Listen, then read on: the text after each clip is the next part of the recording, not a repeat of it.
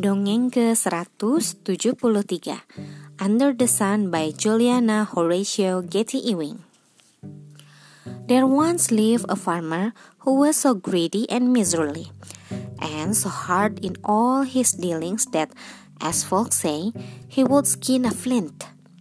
It is needless to say that he never either gave or lent. Now, by scraping and saving and grinding for many years, he had become almost wealthy, though, indeed, he was no better fed and dressed than if he had not a penny to bless himself with.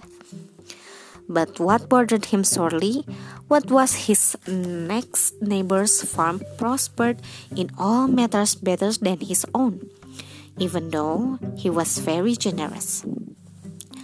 Now, on the lands of the generous farmer, whose name was Merryweather, there lived a fairy or hillman who made a bet that he would both beg and borrow from the envious farmer, and outbargain him as well.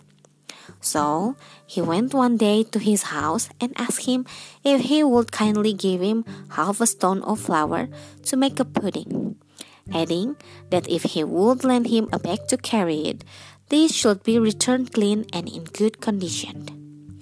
Look, you wife, said he, this is no time to be saving half a stone of flour when we may make our fortunes at one stroke.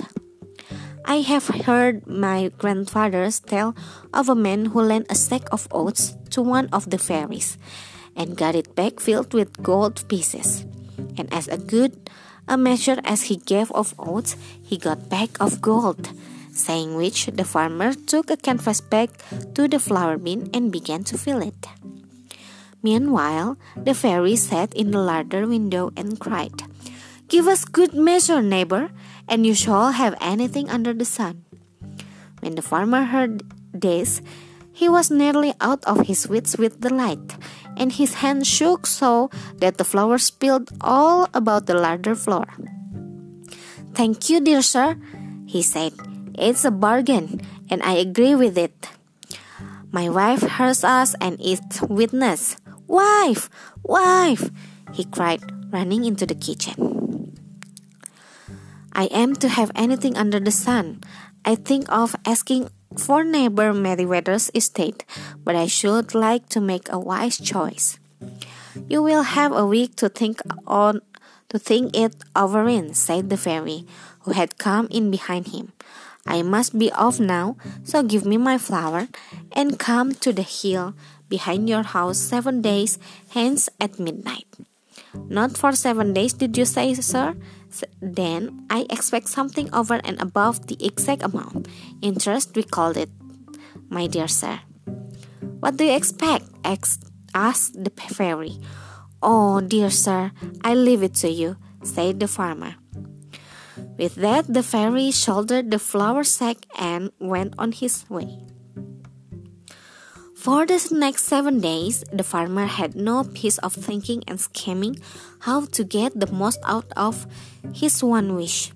His wife made many suggestions to which he did not agree, but he was careful not to quarrel with her. And so, after a week of sleep, sleepless nights and anxious days, he came back to his first thought and resolved to ask for his neighbor's estate. At last the night came. It was full moon, and the farmer looked anxiously about fearing the fairy might not be true to his appointment. But at midnight he appeared with the flour bag neatly folded in his hand. You hold the agreement, said the farmer. I am to have anything under the sun. Ask away, said the fairy. I want neighbor's Merryweather's estate, said the farmer. What, all this land below here that joins on to your own? Every acre, said the farmer. Farmer Merryweather's fields are under moon at present, said the fairy coolly, and thus not within the terms of the agreement. You must choose again. But the farmer could choose nothing that was under that was not then under the moon. He soon saw that he had been tricked, and he was angry at the fairy. Give me my bag, he screamed. and the string and the extra gift that you promised.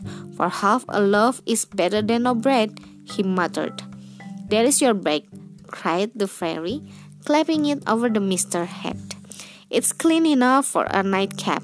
And there's your string, he added, tying tightly around the farmer's throat.